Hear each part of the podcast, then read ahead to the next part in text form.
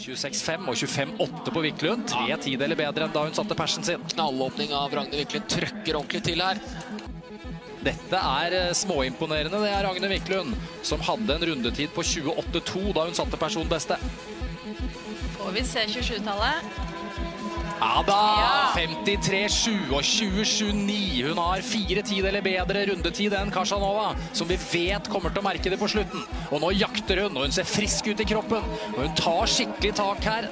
Har satsa. Dette kommer jo til å koste selv for en så sterk avslutter som Ragne Wiklund. Men se hvordan hun går på skøyter nå. Ja, Dette her kan fort bli en tid ned på 1.54-tallet fra Ragne. For første gang for Ragne Wiklund 1.54. Nå begynner hun å bli ordentlig sliten, men hun har tatt sats. Hun har gått all in. Hun har putta alt hun har av krefter inn her, og hun øker til Aidova på sluttrunden, som vi hadde håpet på.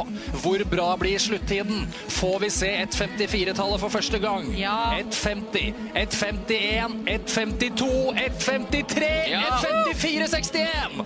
Et kjempeløp av Ragne Wiklund! Hun har virkelig Nå er det alvor.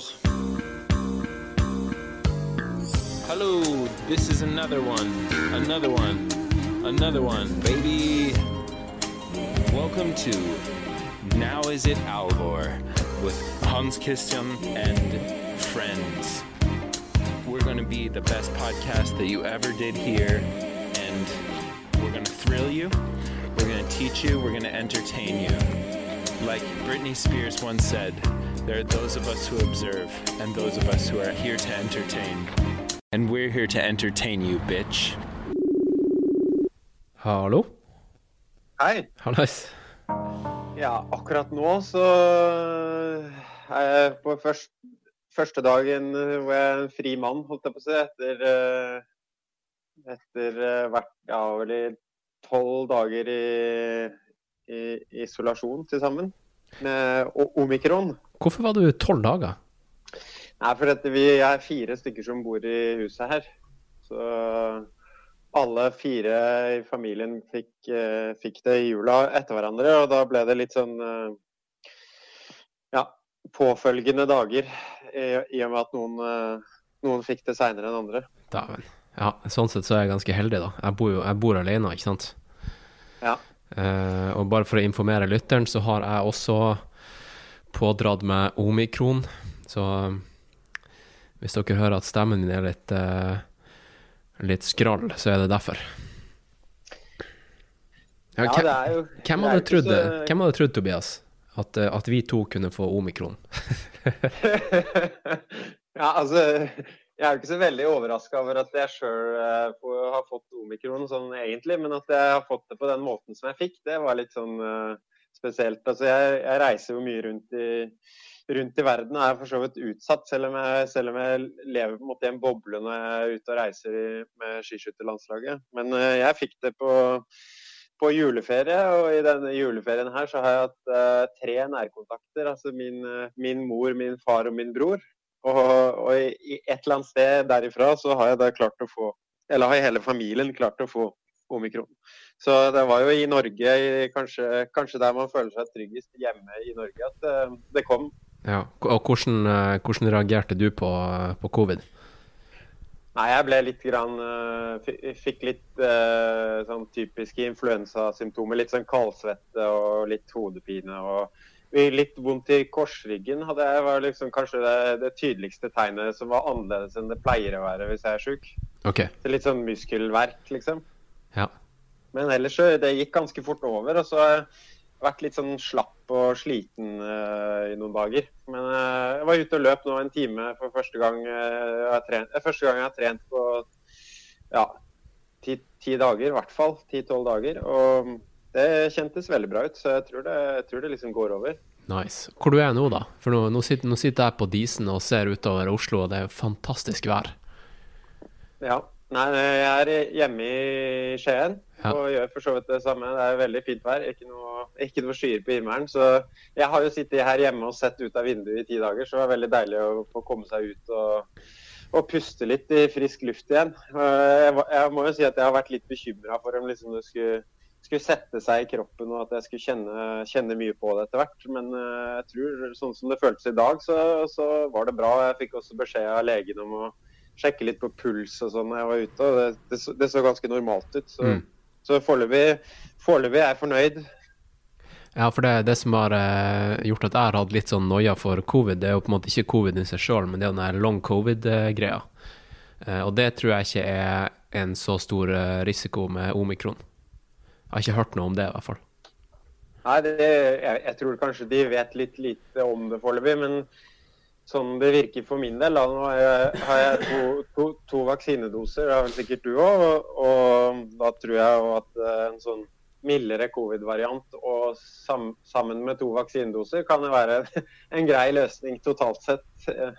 Det er ikke sikkert at det var, var noe verre for kroppen å, å få en lett covid enn enn det var å få en dose tre, f.eks. Nei, ikke sant. Nei, jeg er ganske, egentlig ganske glad for at uh, jeg, jeg testa positivt nå.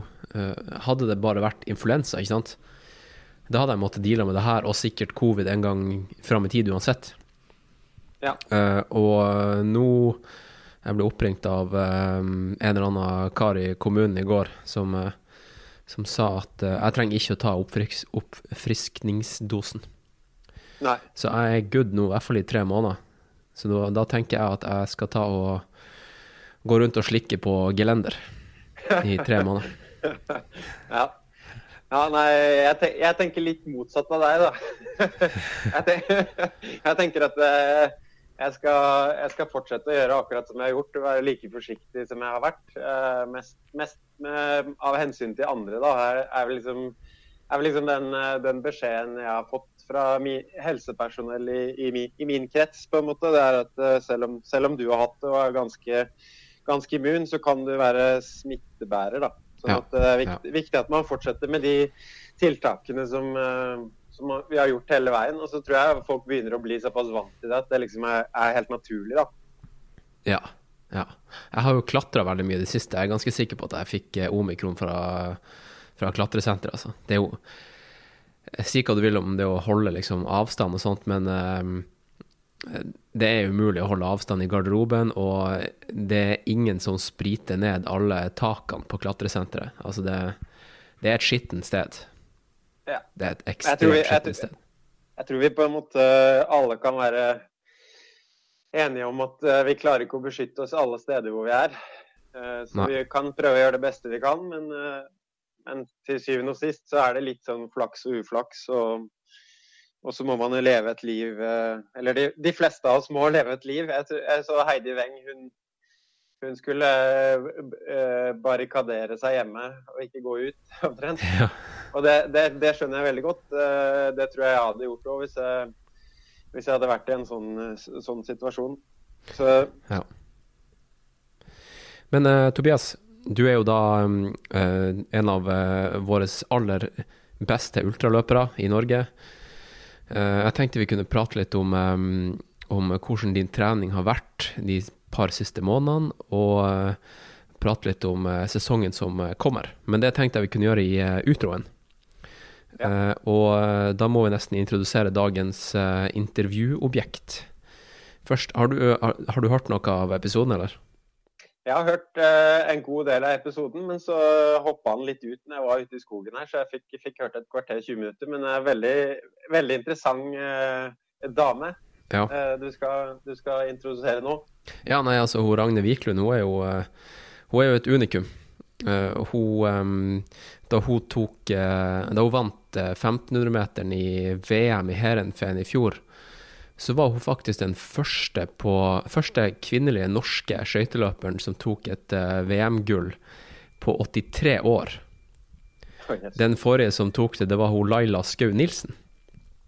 Har du hørt om eh, hun, eller? Jeg har, ikke, jeg har hørt navnet, men jeg, jeg kjenner ikke historien. Nei. Altså vi, vi i Skyblazers eh, vi har jo et veldig sterkt og nært forhold til hun Laila Skau Nilsen, fordi at hun Det er jo en statue av hun der vi startes stirsdag på Disen. Ja, Så det eh, Hun er på en måte en, eh, en litt sånn gallionsfigur for stirsdag. hun, er med, hun er med i gjengen. hun. Ja, ja, ja. Eh, og hun er jo da mm, kjent for um, å være ekstremt allsidig. Hun raida det meste som var på Ja, det var vel Skal vi se her, da. Siden hun tok eh, VM-gullet da for 83 år sia, det var vel Det må vel ha vært på 30-tallet, da. Ja, uansett, på den tida der Hun var, hun var vel tennisspiller. Det var vel der hun tok mest, eh, mest uh, seire. Uh, hun var alpinkjører, hun var skøyteløper. Hun gjorde seg uh, Hun gjorde det ganske bra i bilsport også. Yes. Og hun fikk vel Egebergs hederspris også. Vel fortjent. Så hun, hun var jo en Ja, hun satte en standard. Rett og slett. Det er spennende. Ja. Jeg tror hun, hun Ragne Wiklund hun må bli ultraløper, tenker jeg. Jeg kan ikke se for meg noe særlig mye bedre kombinasjon eh, enn å ha vært skøyteløper liksom, med de, den typen muskulatur, og så være god til å løpe i terreng i tillegg. Da tenker jeg da, da har du litt for deg etter hvert på, på lengre terrengløp. Da. Ja, da har du litt av en base, altså. Ja. Nei, så eh, Laila Skau Nilsen og Ragne Wiklund er jo ganske like sånn sett, da. Så Ragne burde absolutt få eh, Egebergs eh, hederspris eh, også, tenker jeg. Jeg var, jeg var inne og sjekka på, på Wikipedia. Den eh, Egebergs eh, hederspris er ikke gitt ut for 2021. Den, eh, de er på en måte alltid ett, års, ett år på etterskudd, da. Så det kan være at du får den i år. Ja. Mm. Um, ja, så nå, det intervjuet det ble spilt inn uh, i går. eh, og i går var Skal vi se, hvilken dato er det i dag, Tobias? I dag vet jeg, jeg vet hvilken dato det er, fordi i dag er det påmelding til, åpner påmeldingen til UTMB, og det er 6. januar. Ja, vi, vi tar og prater om UTMB og alt det der i utroen. Og først skal folk eh, få høre intervju med Ragnhild som, som ble spilt inn. eh, hun satt i Herenfen, Hun skal gå EM til helga. Så mm, vi setter, eh, vi setter i gang eh, den praten der nå, og så prates vi i utroen, eh, Tobias. Nå er det alvor. Ja, all right. Du har sykla en times tid? Ja. Så hvordan, hvordan er liksom prosedyren når dere reiser? Nå er du i Herrenfen, Nederland.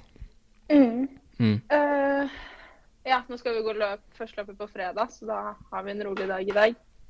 Eh, på planen nå står det egentlig bare å ligge på senga fram til middag og ikke gjøre noen ting. Nice, da. Uh, Samle alle krefter. Ja. ja. Eh, skal du se litt på Gossip Girl, eller? Det blir vel fort det, da. Det har blitt tradisjon her nede med Marit. Så får jeg på det på kvelden, så går det noen episoder. Ja. Jeg har gjort litt, uh, litt research, så jeg, jeg kommer til å slippe ei bombe litt ut i, Mm. i praten. Oi! Ja, så jeg kan sitte her med litt høye skuldre Nei, nei, det er bare artig. fram til det.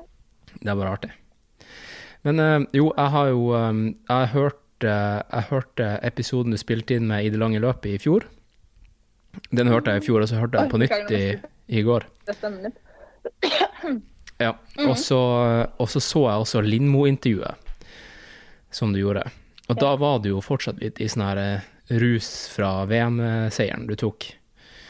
Ja. Hvordan har liksom prosessen vært etter det? Uh, har det vært eh, Var det litt antiklimaks, eller uh, var det egentlig bare kjempemye motivasjon til å fortsette å pushe?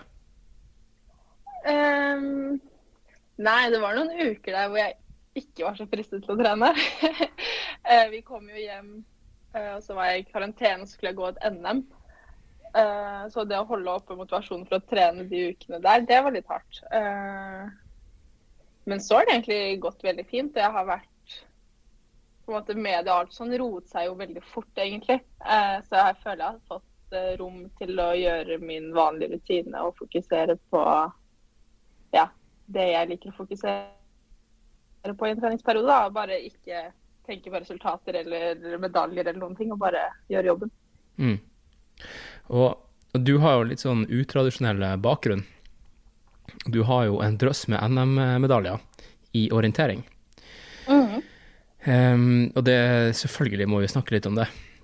Uh, og jeg prater litt med, med litt andre løpere og noen andre skøyteløpere, og det er egentlig gjengangeren. Alle lurer på hvordan har du fått til den komboen. Og ja, vi kan snakke litt om det, da. Altså, hvor mye har du løpt i nå i sommer? Har du, har du gjort noe justering? Har du fortsatt å løpe like mye som før, eller har du gått all in på skøyter nå? Um, nei, jeg har nok ikke løpt så mye løp som jeg kanskje har gjort tidligere.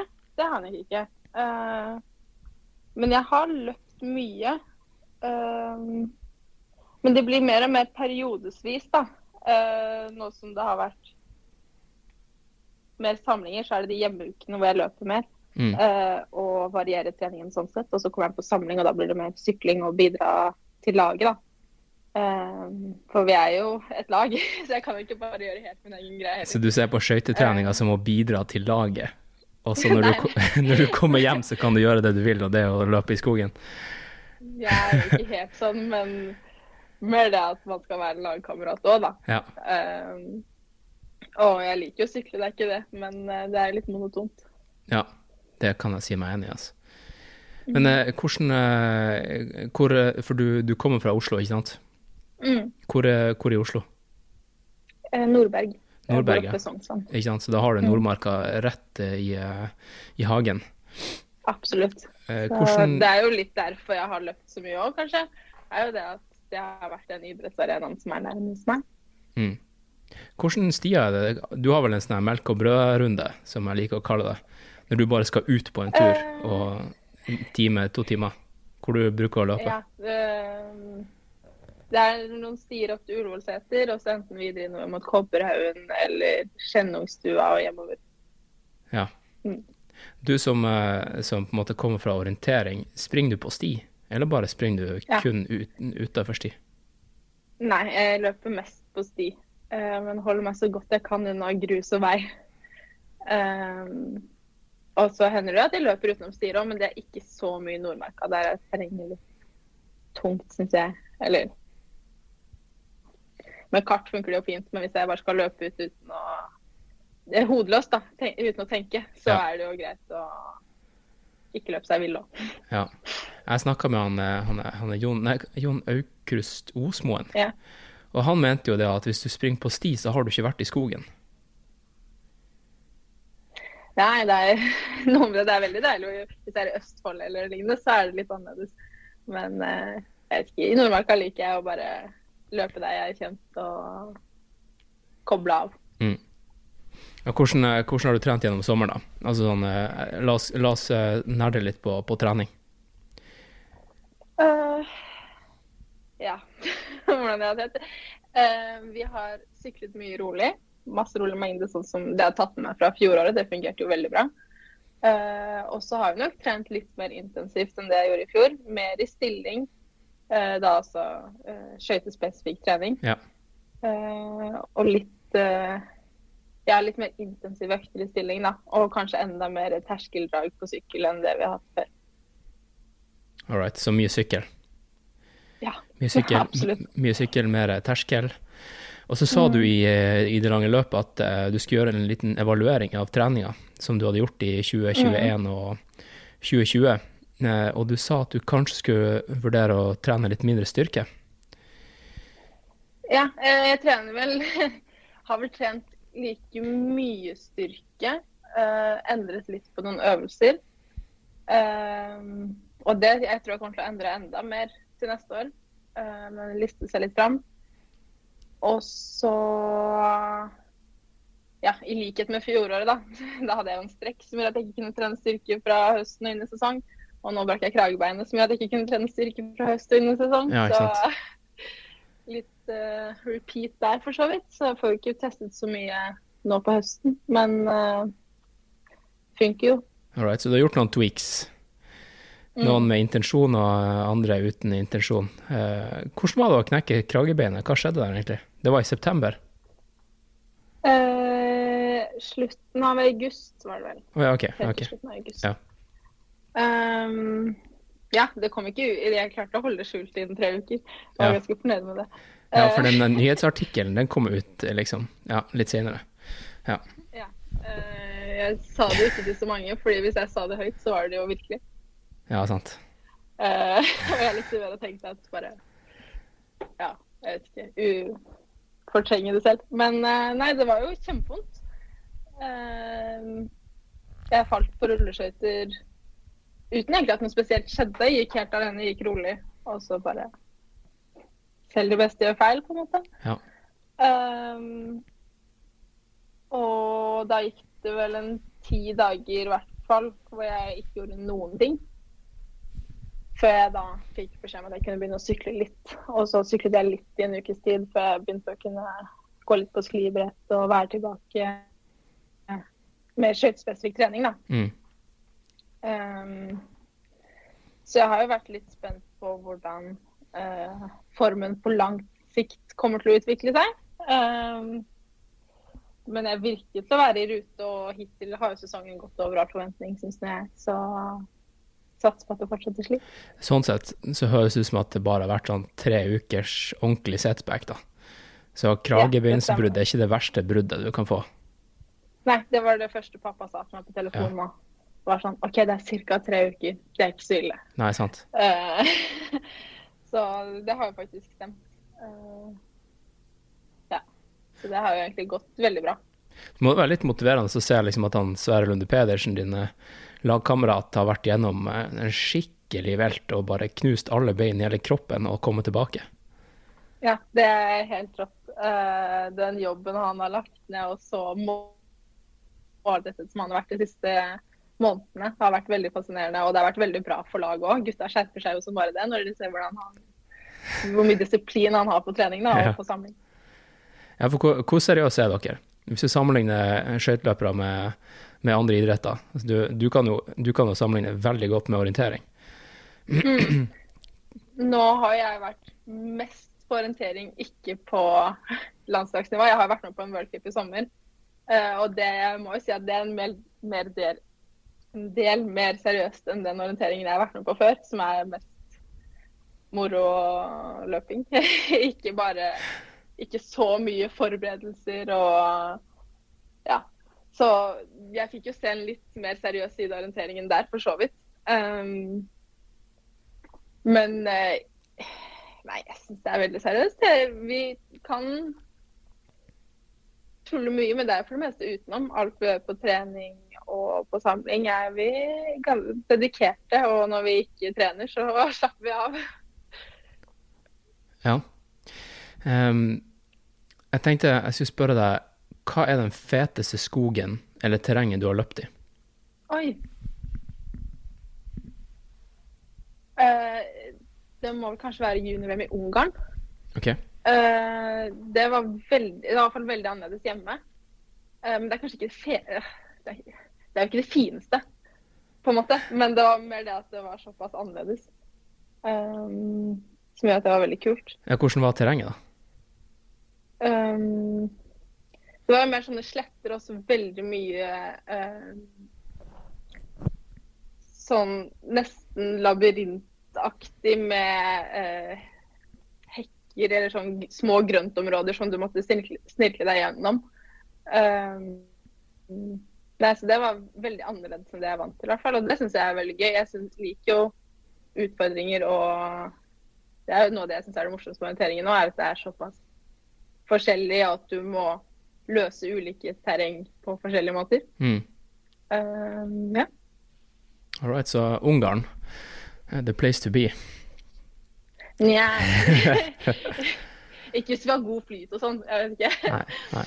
Men det er i hvert fall veldig kult å komme til et eh, helt annet terreng, da. Ja. Jeg, jeg har jo vært skøyteløper, eller jeg er jo Jeg, jeg har tatt ned skøytene fra hylla igjen eh, nå i år. Men em, da, jeg, da jeg gikk eh, Jeg vil si jeg hadde en av mine beste sesonger, da. Så løp jeg veldig mye i fjellet på sommeren. Ja. Og um, det hadde jeg ikke gjort tidligere. Da hadde jeg bare gått sklibrett og sykla og trent vekter og sånn der. Og em, det, det var liksom akkurat som at alle de andre lagkameratene mine flirte litt av meg når jeg dro ut og løp. Eh, Men ja. Og jeg klarte liksom ikke å inspirere dem til å bli med. Og um, jeg bare lurer på om du har klart å, å, å være litt paradigmeskifte, være med på å bidra litt da, på et paradigmeskifte, om at liksom løping er innafor for skøyteløpere. Nja, kanskje. Jeg fikk jo høre det litt, men de driver jo og løper litt nå. I hvert fall noen av de litt yngre guttene kan jo dra ut på løpeturer når det sånn i offseason og sånn. De eldre er nok litt vanskeligere å få snudd, men ja. jeg føler de er veldig åpne for at jeg får gjøre min greie, og at ikke De, ikke, de ler ikke når jeg drar ut på løpetur, på en måte. Eh, Så det er nok mer åpenhet for det. Og jeg tror treneren nå er eh, åpne for at også de andre skal løpe mer, egentlig. Um, ja. Så det nei, Kanskje det begynner å skifte litt. Ja. Men hva du tror det kommer av, egentlig? At, uh, skøyteløpere har begynt å, å bare sykle? Nei, det vet jeg ikke noe om. Um, for min del, sånn opp igjennom fra jeg vokste opp, så har jo skøyter egentlig alltid vært I hvert fall på sommeren så har skøyter alltid vært nummer to.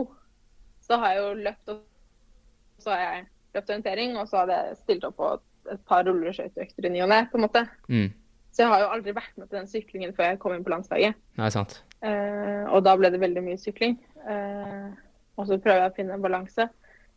Eh, men jeg tror også det er for, jeg tror ikke det har like mye for seg å løpe på hardt underlag kanskje som det å løpe i terrenget. Jeg tror den balansen er veldig bra. Ja. Eh, og det er jo det jeg liker best òg, så det passer meg fint. ja. Nei, det meste løpinga som de fleste skøyteløpere gjør, det er jo bare i oppvarminga. På betongen rundt Det er noe daffing der, ja. Ja, den daffinga der.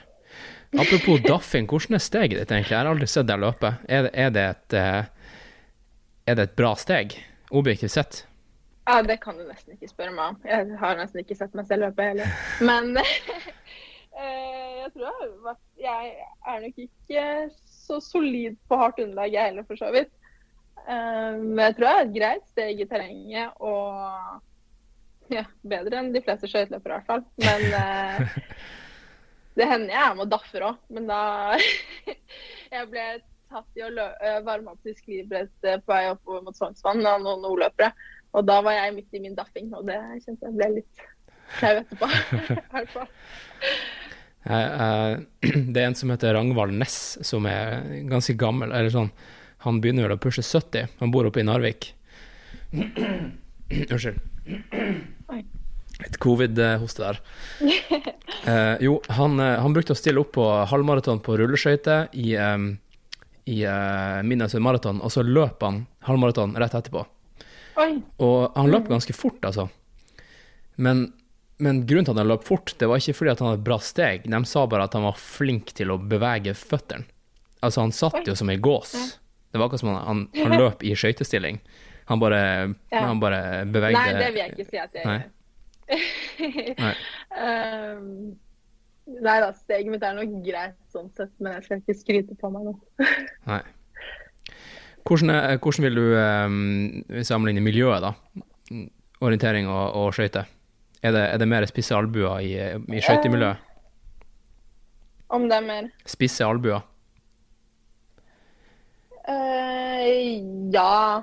Jeg vil ikke si det er veldig spisse albuer, i hvert fall ikke innad i det norske laget. Eh, men det er nok generelt litt mer konkurranseinnstilt, tror jeg.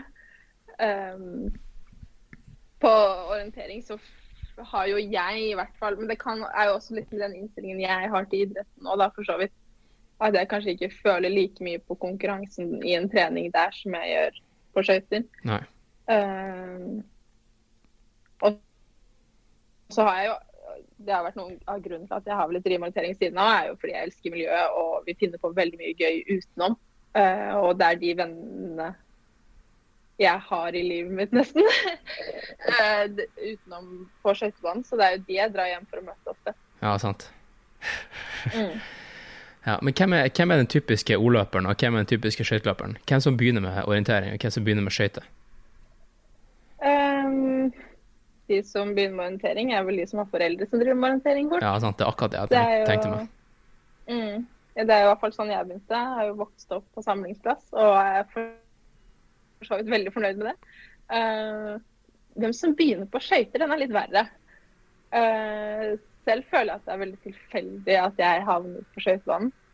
Uh, jeg har jo veldig aktiv familie. Vi gikk jo på skøyter på vinteren, og så ble jeg jo basically bare plukket opp av uh, en pappa i barnehagen som lurte på om jeg ville være med på skøyteskole.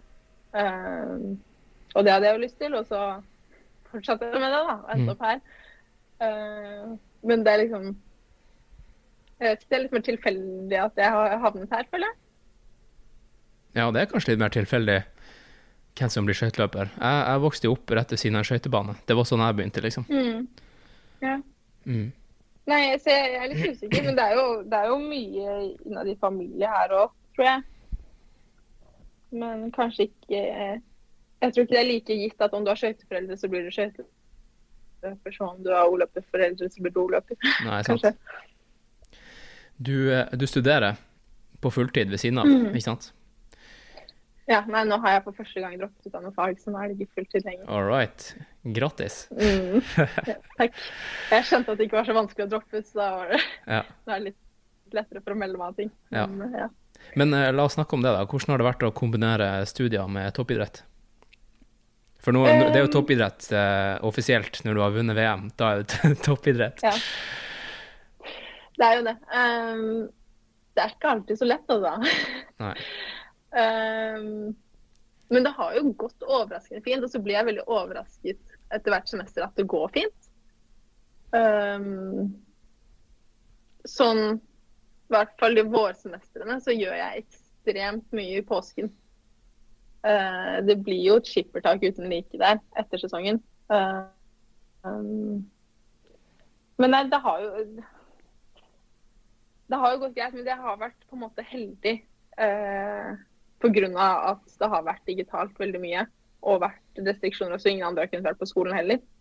Eh, jeg har jo bare hatt ett semester med normal eh, skolegang på eh, universitetet Mm. før korona kom. Mm. Så nå som det, dette semesteret skulle være mindre digitalt, så har jeg slitt veldig mye mer òg.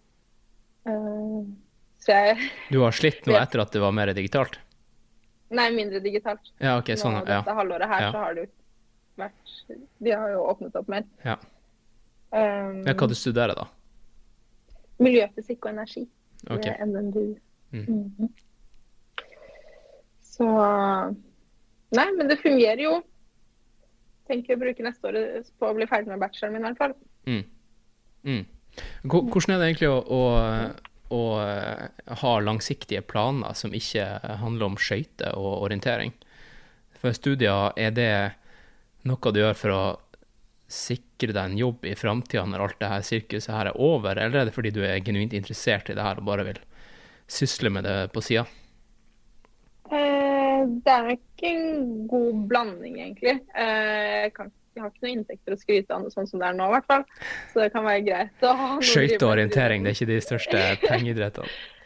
På ingen måte. Eh, så det er greit å ha et sikkerhetsnett, i hvert fall, når jeg er ferdig. Ja.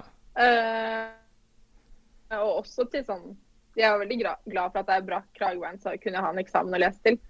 Eh, så at jeg ikke bare kunne ligge på senga og deppe over at jeg ikke kunne trene. Eh, og så så er jeg jo interessert og tar jo meg selv at nå, selv om jeg ikke har noe fag som har begynt ennå, så sitter jeg jo og forbereder meg litt eller leser litt på det og syns at det er interessant, da. Mm. Jeg snakka med um, han Espen Årnes Vammen, som er en kompis av meg, og jeg spurte han om han hadde noen spørsmål til deg. Så, så sa han han bare lurte på hvor kommer den, den gode teknikken din fra? Er den bare Oi, naturlig, ja. eller har du terpa og terpa og terpa? Uh, det er en god blanding til deg. Uh, vi har jo i aktiv skøyteklubb da jeg gikk da jeg var liten, eller for så vidt går fortsatt òg, men jeg trener jo bare med landslaget nå. Um, så var jeg nok veldig heldig som hadde gode gutter jeg kunne gå bak. Hvor du får inn en ganske god timing og uh, Treneren var veldig nøye på hvem jeg skulle gå bak allerede da, da Ja. jeg var liten Ja. for å få inn gode bevegelsesmønstre. Um, og nå i senere alder så har jeg nok blitt veldig interessert i også det å gå bra teknisk. At det er Det er noe som Det blir feil å si lett å gjøre med, men sånn Hvis du får til å gjøre en liten endring, så kan du gå ganske mye fortere fort, da. Mens det å skulle bli bedre fysisk, det er liksom en prosess. Det tar litt tid. Ja. Men sånn det å f.eks. ta en evaluering på teknikken etter ett løp, så kanskje jeg kan forbedre noe til neste løp allerede. Uh, som jeg syns er veldig motiverende og veldig morsomt å jobbe med. da. Det er sant. Har, har du noen eh, løp du har eh, gjort der du egentlig bare har endra litt på teknikken og gjort det mye bedre?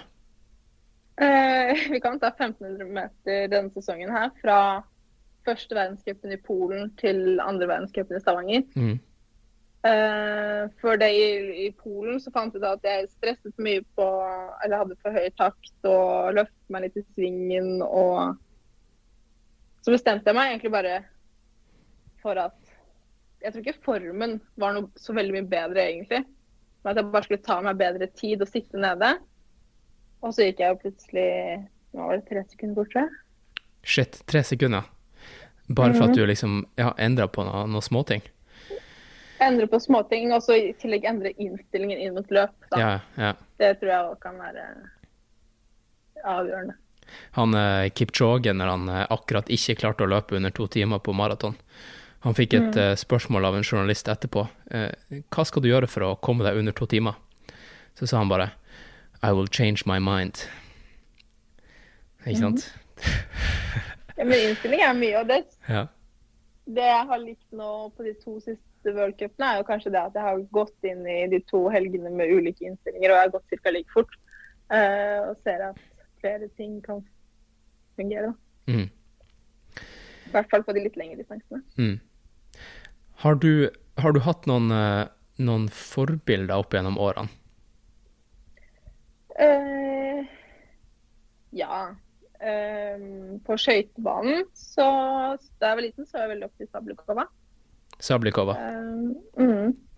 Eh, så det har vært veldig gøy. Jeg har gått masse løp med henne nå. Ja, altså, hvordan var det? Hvordan Hvordan er det det er egentlig? Du har noen som forbilder, og så plutselig så går du løp mot dem. Det var jo første gangen i VM i fjor, som var veldig gøy og ja, skummelt. Og så i år så har jeg jo blitt et år eldre, og det merker jeg jo at på en måte kanskje ikke har den samme ja, Jeg kan ikke si at jeg gikk ut med så veldig mye respekt for den eh, da jeg gikk ut altfor hardt i fjor heller, for så vidt. Men eh, har kanskje ikke den samme æresfrykten når man står på start, da. Nei. Um, ja, så nå er det, jeg tror i hvert fall den ytringen jeg har nå er bedre enn det jeg hadde da, kanskje. Men eh, Ja, hva du har Nei, likt med Sablekova, da? Hva, hva er grunnen til at hun har vært et forbilde? nei, hun har vært best, da. Hun har vært best? Ja. Ja, og hun går jo ganske annerledes uh, enn mange andre løpere òg. og da jeg var liten, så var jeg nok veldig opp til det. Men nå som jeg på en måte har funnet min egen teknikk, og sånn, så har jeg ikke noe interesse av å gå sånn som henne, egentlig. Var det sånn da, du hadde, da du var litt sånn up and coming og junior og sånt, at du overdrev eh, utgangen av sving og liksom gikk sving helt ut på langsida, bare fordi Sablukova gjorde det? Og nå går jeg veldig korte utganger òg, Ja. så vi har egentlig ikke så lik teknikk som det er egentlig jeg vet ikke. Da jeg så opp til henne, så tror jeg da hadde jeg ikke det samme forholdet til teknikk heller som jeg har nå, da. Nei.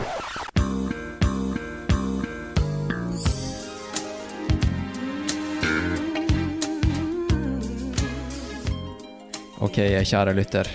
Du har nå hørt eh, en eh, liten teaser. En eh, teaser, en gratisvariant av podkasten. Resten av episoden den kan du høre inne på patrion.com slash nedaproject. Og eh, ikke bare kan du høre resten av denne episoden, men du kan høre alle framtidige episoder av podkasten og alle episoder som har vært. Det er jo godt over 150 episoder som ligger inne på Patreon. Det er bare noen som har fått en eh, teaser her på, på iTunes og Spotify, så jeg vil absolutt anbefalt, eh, hvis du er på nøleren, ta og klikk deg inn på patreon.com slash nedaproject, og så kan du scrolle deg gjennom hele diskografien og se hva som finnes der inne. Så kan jeg si det at eh, jeg bruker Patreon som eh, finansieringsmodell hovedsakelig fordi at jeg har mest lyst til å bruke tida mi til å lage fete podkastepisoder, sånn som den du nettopp hørte. Eh, Og det å bruke tida mi på å, å ringe og sende e-poster til potensielle annonsører, det, det er noe av det jeg liker minst. Det er selvfølgelig aktuelt, men jeg syns ikke det er så veldig artig. Så Eh, hvis det er noen der ute som eh, kunne tenke seg å låse opp denne episoden her til alle og enhver, hvis dere vil ha deres brand og navn stempla foran og bak på episoden, bare send meg en en e-post eller ring meg. Det er kontaktinformasjon i, i shownotes, og så, så blir det ordnings, folkens. Men eh, eh, hvis du vil høre dagens episode, gå som sagt inn på patrion.com slash nedaproject, og så kan du høre den episoden der og alle andre episoder som har vært, og alle episoder som kommer. I tillegg så får du da tilgang til en Slack-kanal der du kan snakke med meg og alle de andre lytterne av podkasten.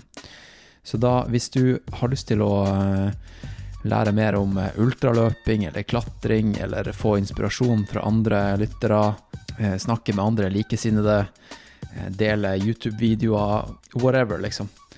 Så, eh, så finner du det inne på Slack-kanalen til eh, Nå er det alvor. Og det får du kun tilgang til hvis du er Patrion.